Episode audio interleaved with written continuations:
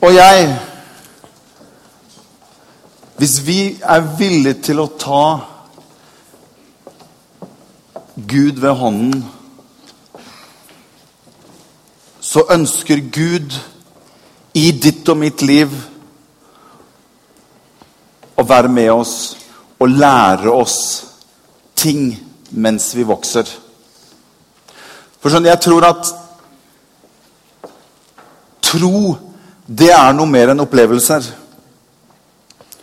Tro er ikke bare noe du og jeg opplever en gang i uken, eller vi har en opplevelse i en eller annen sammenheng og vi opplever at vi får litt sånn gåsehud på ryggen, eller Jeg vet ikke hvor du får gåsehud, men på armene, eller Tro er noe mer enn det. Tro er noe som varer livet ut. Tro er en, tro er en reise. Og Hvis du og jeg vil ta Gud ved hånden, så ønsker Gud å vise oss ting, lære oss ting underveis. Kanskje noen ting lærer vi mest og best på fjellet.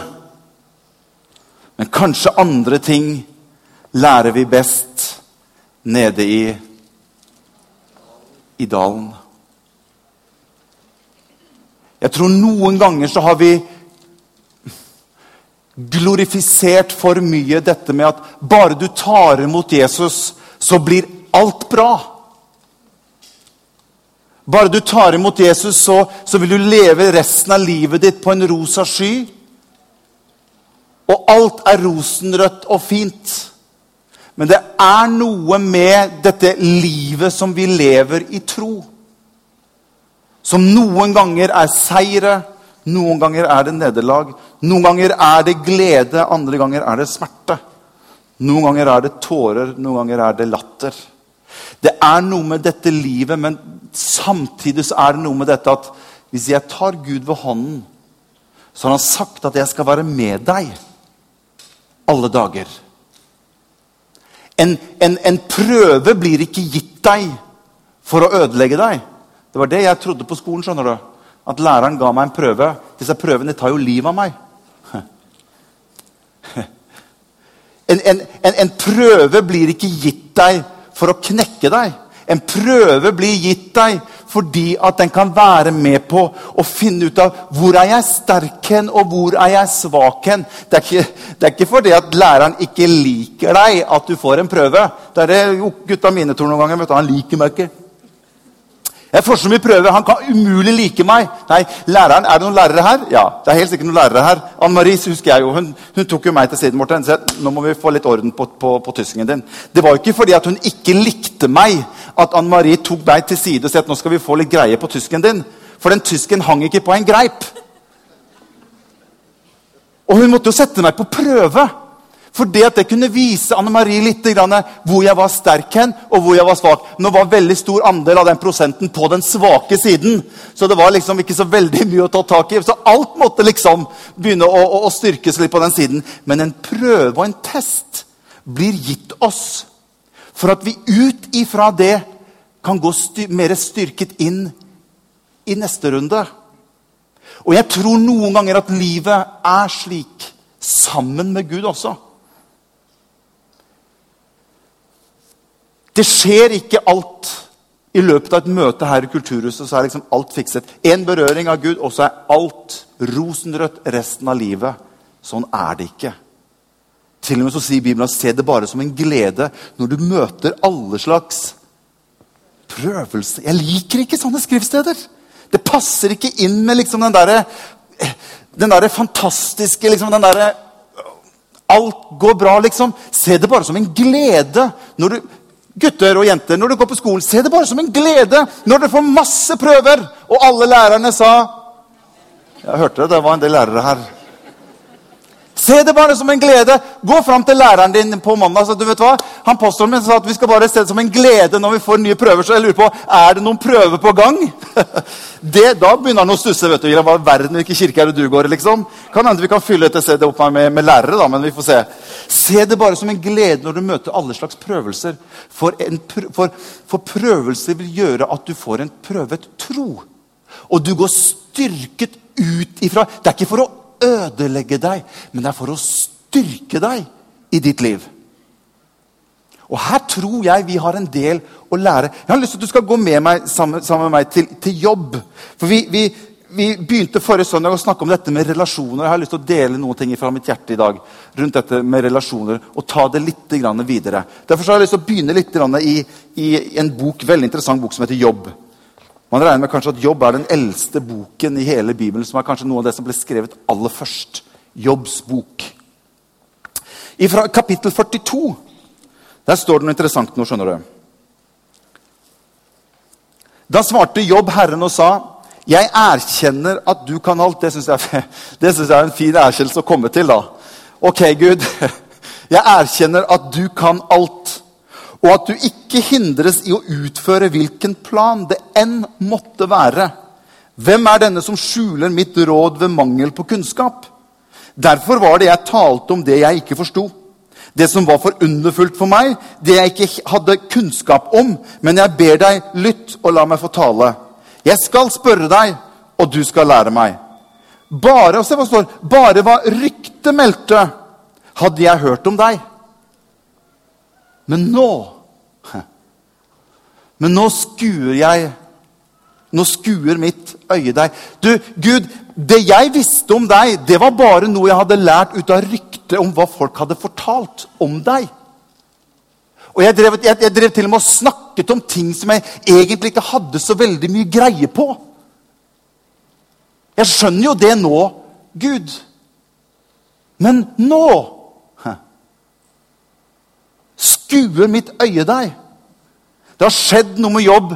Han har fått en innsikt som er litt større enn det han hadde. Og han skjønner at det han hadde uttalt seg om før tidligere, det, det, det, ikke, det hang egentlig ikke helt sammen.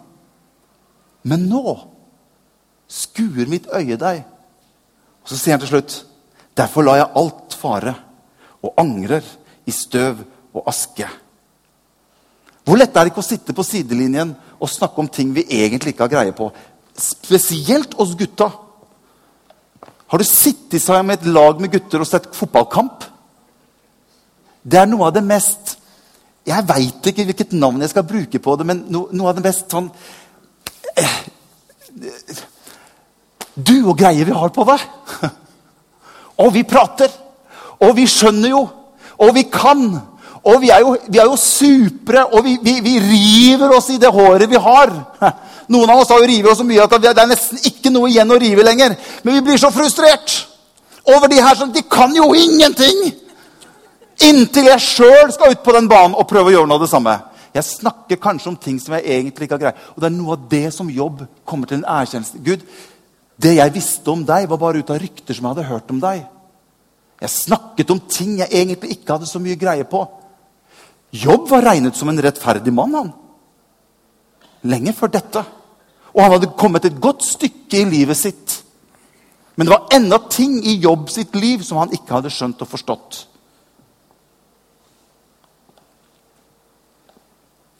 Jeg sa noe på PKL. Vi hadde PKL på, på, på torsdag. Dette med Jeg snakket om dette med ikke, ikke lås inne din teologi. Jeg tror noen ganger vi som mennesker vi har lett for å komme til konklusjon på ting. Så legger vi den teologien, den, den forståelsen vår, inn i en boks, og så låser vi den og sier vi, dette er ferdig diskutert. Det er, noe, det er ikke noe vits i å diskutere, og så kaster vi nøkkelen bort.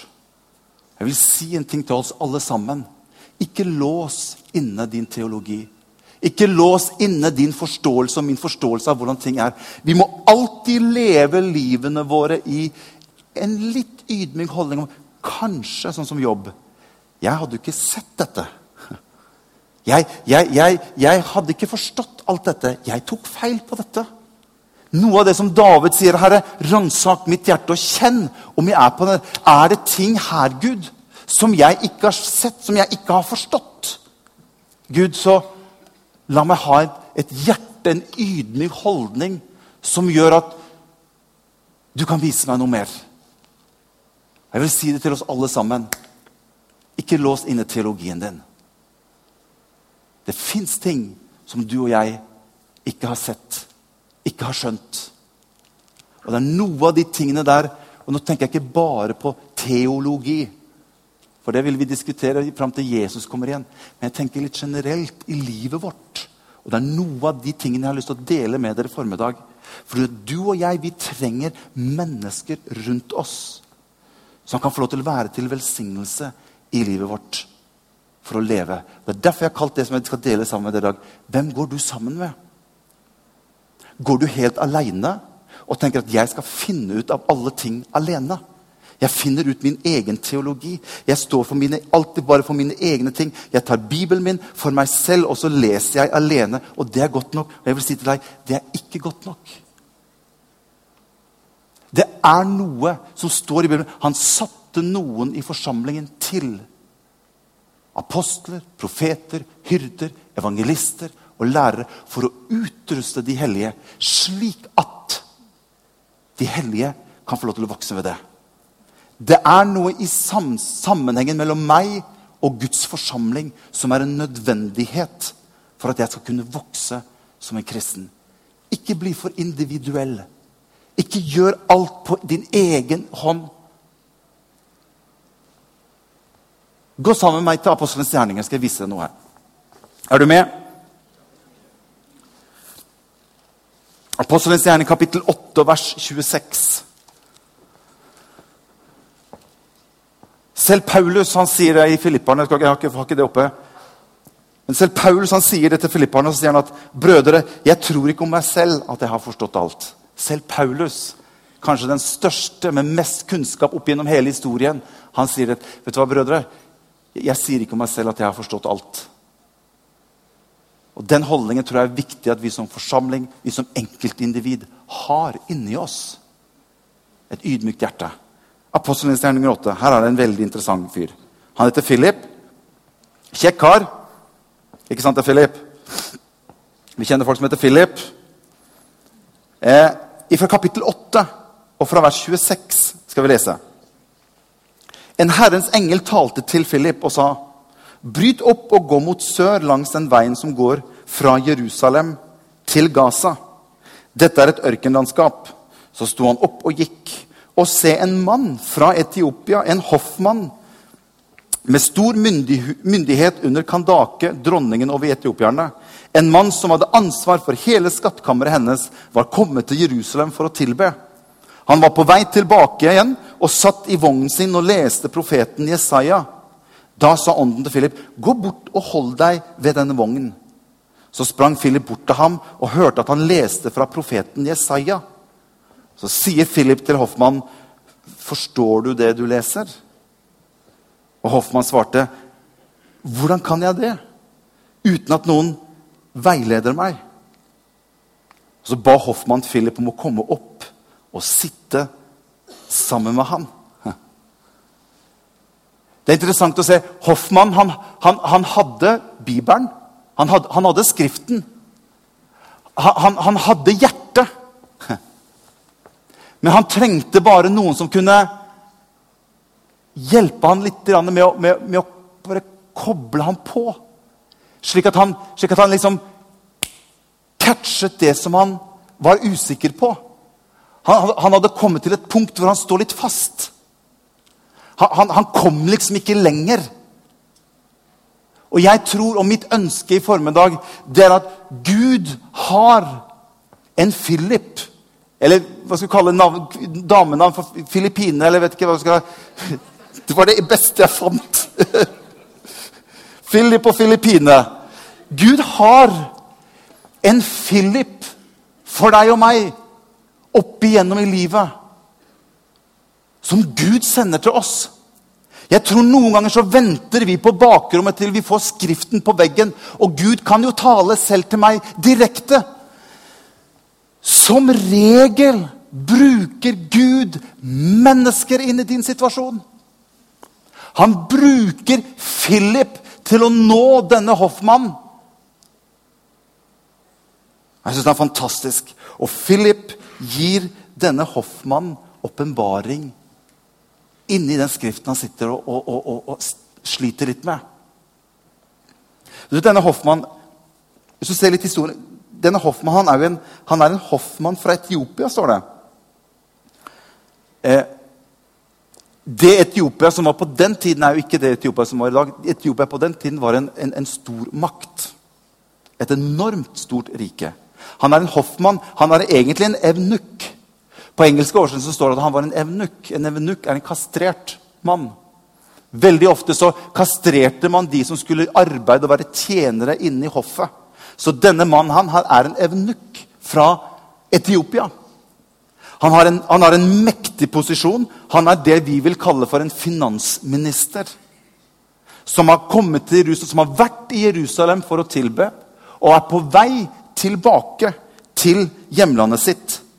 Dronningen hans heter Kandake, eller det er tittelen på dronningene som var i Etiopia på den tiden. der. Og det var ikke noe barbiedukker, skal jeg si deg. Det var krigerske dronninger. De satt på elefantryggen sammen med Og det var helt vanlig at alle kvinnene var i krig der. Det var liksom, Gutta var hjemme, og damene var i krig. liksom. Det var, det var den greia der. De satt på elefantryggen og kriget. Dette var krigerske dronninger. For Historien forteller til og med at Aleksander den store prøvde å komme seg inn i Etiopia på denne tiden. Han var der. Han var veldig fristet til å gå inn. Inntil, kan, inntil Kandake sammen med alle søstrene. Finn dere hver deres elefant! Vi skal ut og møte Aleksander den store. Og hun møtte opp med en svær armé med ikke, kan ikke si kvinnfolk, damer på elefantrygg. Krigerske som møter opp og Kandake møter opp med Aleksander den store. Og Jeg vet ikke om Aleksander har sett noe sånt noe før i hele sitt liv. Masse elefanter med damer oppe og liksom klare til å, å, å gå til krig. Historien forteller det at Aleksander den store han revurderte å gå inn i Etiopia. Og det ender med at Aleksander den store han snur og vender tilbake. Og Kandake og disse fortsetter å, å, å regjere i det store Etiopia, som var nesten hele nordøst Afrika på denne tiden her. Et mektig rike. Men denne Hoffmann her, den evnukken Det står Han hadde vært i Jerusalem for til hvor, hvor, hvor kommer dette her fra? Har du, har du litt tid til å, å, å, å, bli med meg litt på dette? Har dere hørt om Salomo? Er det noen av dere som har hørt om dronningen av Saba? Jeg husker jeg hørte om dronningen av Saba da jeg var liten. og det, For meg så hørtes det ut som noe av det vakreste som fantes. dronningen av Saba. Det var liksom, Fins det noe vakrere, liksom? Har du hørt om dronningen av Saba? Det står at ryktet gikk om Salomos visdom. Og det står at dronningen av Saba tok og reiste opp og besøkte Salomo. For å stille hans spørsmål og for å finne ut av denne guden som Salomo trodde på. Så dronningen av Saba kommer til kong Salomo og, han, og, hun sitter og spør Salomo massevis av vanskelige spørsmål. Og, og Skriften sier det at hun ble overveldet av alle de fantastiske svarene Salomo gir henne. Og hun var så imponert over den suksess og den rikdom som Salomo hadde. Det står til og med at, at det står, til slutt det var ikke mer pust i dronningen av Saba. Og hun ble så imponert. Historikere mener kanskje at det inngikk en romanse mellom kong Salomo og dronningen av Saba. Og det var nesten slik at dronningen av, Saba vurderte faktisk å bli igjen i Jerusalem hos kong Salomo. Men hun snur og reiser tilbake til landet sitt. Og, og fjerner alt av avgudsdyrkelse i sitt eget land. Og innfører den jødiske tro inn i Etiopia, der hvor hun er fra. Dette, denne Hoffmann her er en etterkommer av dronningen av Saba som hadde vært der. Han har nå reist opp til Jerusalem for å tilbe. Fordi at de visste at dette her kommer fra Jerusalem. Han var på pilegrimsreise, og i den, i, i den stand han var i, så hadde han mulighet og makt til å kunne ta en sånn reise som veldig få hadde mulighet til å gjøre. Men han kom til Jerusalem og er på vei tilbake Men Gud ser denne hoffmannen. Jeg synes Det er så fantastisk. Gud har en plan for denne hoffmannen. For skjønner, Det hadde skjedd noe i Jerusalem siden forrige gang han var der. Noe fantastisk hadde, hadde skjedd i Jerusalem som gjorde at når denne hoffmannen reiser tilbake, så har ikke han fått med seg Han, han var ikke oppdatert. Han levde fortsatt på det han hadde hørt om denne troen. Bare det han hadde blitt informert om, så langt som han var kommet selv i sin tro, var denne hoffmannen. Men Gud hadde en Philip som han ønsket å velsigne denne hoffmannen med. Du skulle jo tro at en mann som en sånn hoffmann som dette, som er finansminister i et så stort rike, ikke skulle ha noe behov for hjelp av noen andre. Og det tror jeg er litt sånn, det er litt likt oss mennesker. At der hvor vi har suksess i livet, så har vi så lett for å prøve å holde det.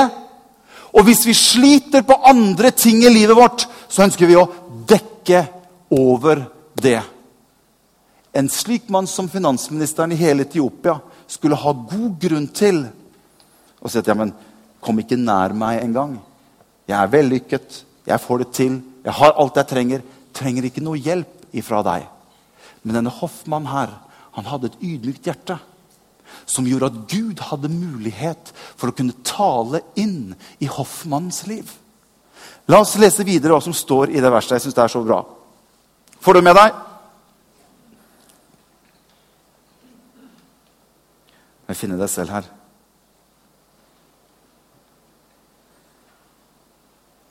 Jeg vet ikke om jeg har tatt det med Jo. Fra vers 32. Vi får det på skjermen også. Her kommer Philip inn, og så hører han For det var veldig vanlig på den tiden at man leste høyt når man leste Skriften. Så Philip han, han hører hva, hva Hoffmann leser for noe. Og så, så, så står det han hadde invitert ham om, om, om bord, så sier skriftstedet som Hoffmann leste fra, var dette. Han ble ført til slakting som en sau. Og slik et lam er stum for den som klipper det, slik åpner han ikke sin munn. I hans fornedrelse ble dommen over ham tatt bort. Og hvem kan gjøre hans ett kjent? For hans liv blir tatt bort fra jorden.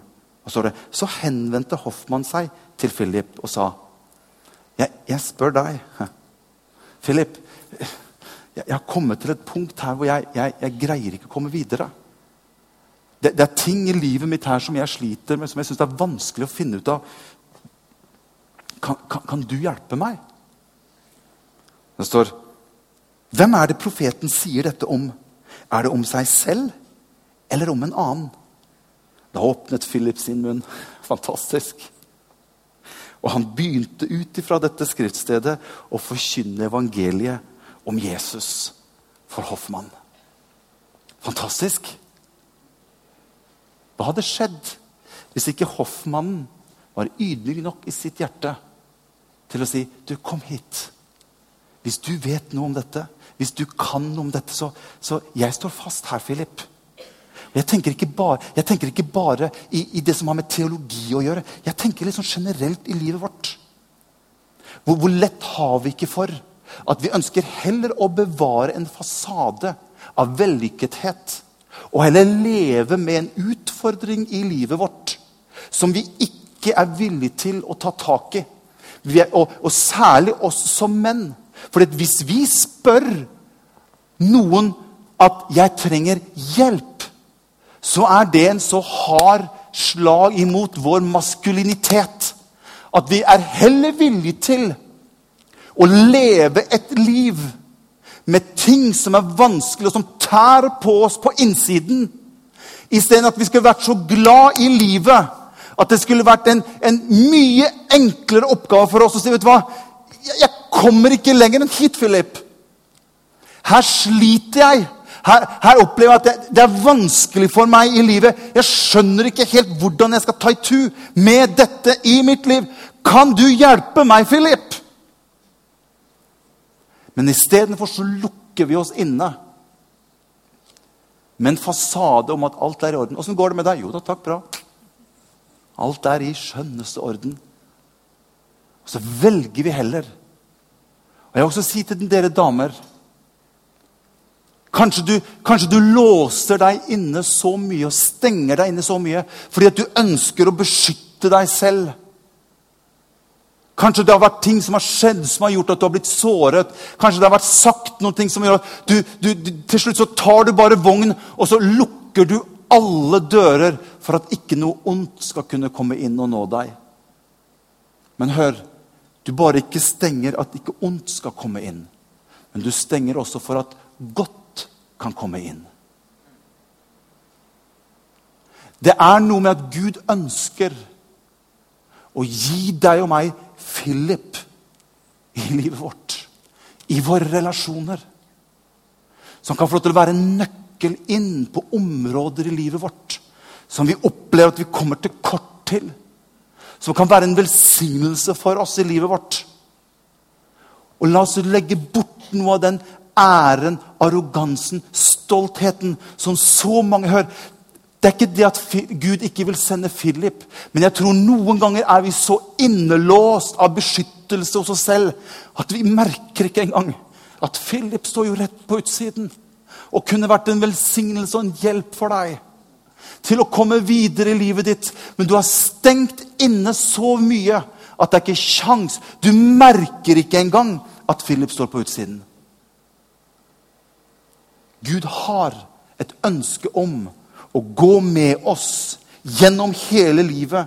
Og som jeg snakket om forrige gang Vær nøye på å opprette gode relasjoner i livet ditt som kan få lov til å være en velsignelse inn i ditt liv. Prøv ikke å stå alene, selv om du har opplevd at ting har vært vanskeligere tidligere.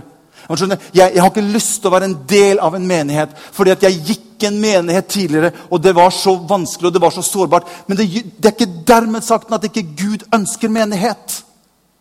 Selv om min erfaring sier meg noe annet. Jeg kan ikke gå og si til noen at hvis du har hatt et, et, et problem i ditt ekteskap, så kan ikke jeg si at Gud ikke ønsker ekteskap for det. Det er en del ting som Gud har innstiftet, som skal være til hjelp og til velsignelse for deg og meg. Derfor er det så viktig at vi er nøye på at vi går inn i gode relasjoner. Men vi må samtidig ikke stenge oss så inne at ingenting har mulighet til å komme til oss og hjelpe oss i en vanskelig verden. I en utfordrende tid vi lever i. Så Gud ønsker å velsigne ditt og mitt liv med mange gode filiper og mange gode filippiner. Filippine, er ikke det, Hva er det vi sier om Filippine? Er ikke? Hæ? Det er dobbeltnøtt. Er det? Ja. Filippine. Gud ønsker å gi deg mange dobbeltnøtter opp gjennom livet. Filippine. Får du med deg hva jeg vil si? Om jeg, om jeg, om jeg lykkes om jeg lykkes over her i mitt liv, så er det ikke dermed sagt at jeg lykkes i alle andre områder i mitt liv. Men vi har så lett for Jeg tror noe av den største utfordringen til deg og meg som menneske, det er at vi ønsker å skjule de ting vi sliter med og jobber med, og heller løfte fram styrkene våre. Og så blir vi sårbare og vi sliter med ting opp gjennom livet. Vanskelige ting som kunne vært løst hvis vi kunne hatt et hjerte som denne hoffmannen som sier Philip, kom om bord og vis meg. Hjelp meg på dette her. Og så koblet Philip Hoffmann på, og så skjønte han det. Så ble han født på ny ut ifra det. Han tok imot Jesus inn i livet sitt. Han kunne reist hjem til Etiopia uten å oppleve å bli født på ny. Hvis han hadde hatt et stolt hjerte. Men det står at den stolte står Herren imot. Men, så, men den ydmyka hjertet gir Gud stor nåde. Det er sårbart å være ydmyk, ja, men det er det som er veien til velsignelse og hjelp for deg samtidig. Halleluja. Jeg, jeg, vet at dette her er ikke sånn kjempe-halleluja-budskap. Men dette er viktig i livene våre. Og som jeg sa til dere forrige gang, i våre relasjoner Ta godt vare på gode relasjoner. Ta godt vare på gode relasjoner. Gi noe tilbake. Vær en som sår inn tilbake i gode relasjoner. For det kan være hjelp for deg og meg. La, la kirken være en Philip.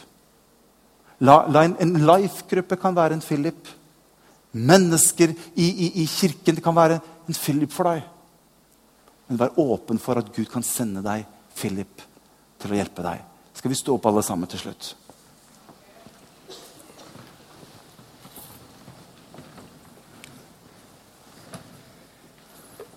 Jeg tror jeg har et bilde, neste bilde der.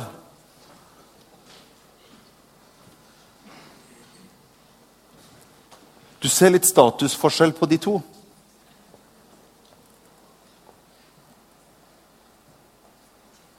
Se Hoffmann til høyre. Han har ingen ønske om å markere overfor Philip at de skjønner Ikke kom nærmere. Du skjønner, Jeg er en statsmann. Full av makt. Jeg er finansminister i hele etiopiske riket. Du trenger ikke komme her og vise meg noe. Jeg greier meg sjøl. Jeg får til sjøl. Og hvis det er ting som er vanskelig, så kommer jeg til først å prøve å finne ut av det sjøl. Og hvis ikke jeg får til det, så kommer jeg fortsatt til å prøve å finne ut av det sjøl. Hvis jeg heller ikke gjør det, så fortsetter jeg. Og det er litt oss menn. Så mange som kommer for seint på kontoret og sier 'Morten, nå har det et problem'. Nå er det like før det rakner. Nå er det like før det er problem. Tenk hvis du hadde kommet på kontoret og sagt Morten, du, har du noen gode råd å si om et godt ekteskap. Så ville jeg spurt deg ja, er det noe galt. Nei, det er ikke noe galt. Ja, men Nei, jeg vil bare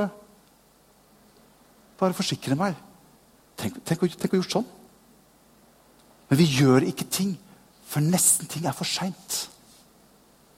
At det kommer til nesten kanten på stupet. Og noen ganger så går det galt. Denne Hoffmann inviterte Philip om bord i vogna si, som er et bilde på livet. Så kunne Philip få lov til å være en velsignelse inn i Hoffmann sitt liv. Halleluja. Dette er relasjoner, dere. Dette er gode relasjoner. Far, jeg ber deg for hver eneste en som er her. Du ser livet